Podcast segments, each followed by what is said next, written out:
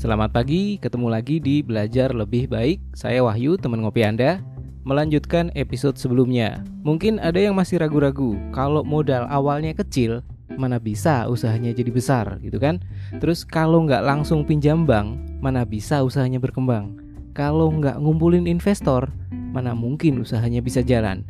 Nah, untuk pertanyaan-pertanyaan ini banyak yang membuktikan bisa. Termasuk saya juga sudah membuktikan. Kita akan coba pakai hitungan matematis. Misal, teman-teman mulai usaha dari omset yang cuma 100 ribu sehari.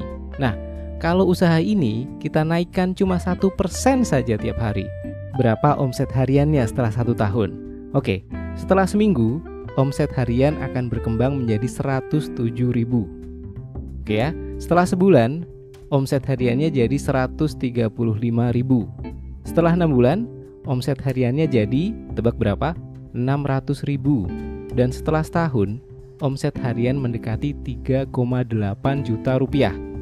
Jadi dari startnya 100 ribu, naik tiap hari 1%, jadinya 3,8 juta rupiah per hari.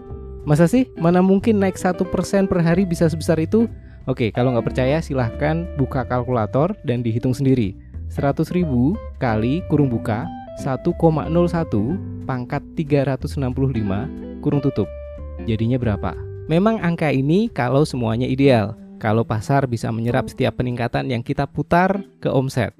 Prakteknya tentu saja berbeda, tapi kurang lebih kebayangkan, omset kecil itu bisa naik jauh dengan peningkatan yang sedikit demi sedikit, tapi kuncinya dilakukan terus-menerus. Jadi jangan berkecil hati kalau teman-teman mengawali usaha dari modal yang kecil. Mulai aja dulu, nggak perlu tunggu modalnya ngumpul berpuluh-puluh juta atau beratus-ratus juta. Masih banyak hal lain yang perlu perhatian kita saat usaha, yaitu misal selera pasar, kecocokan produk, dan sebagainya. Oke, itu saja dulu untuk kali ini. Semoga bermanfaat, stay safe, tetap semangat. Sampai ketemu di episode berikutnya. Bye.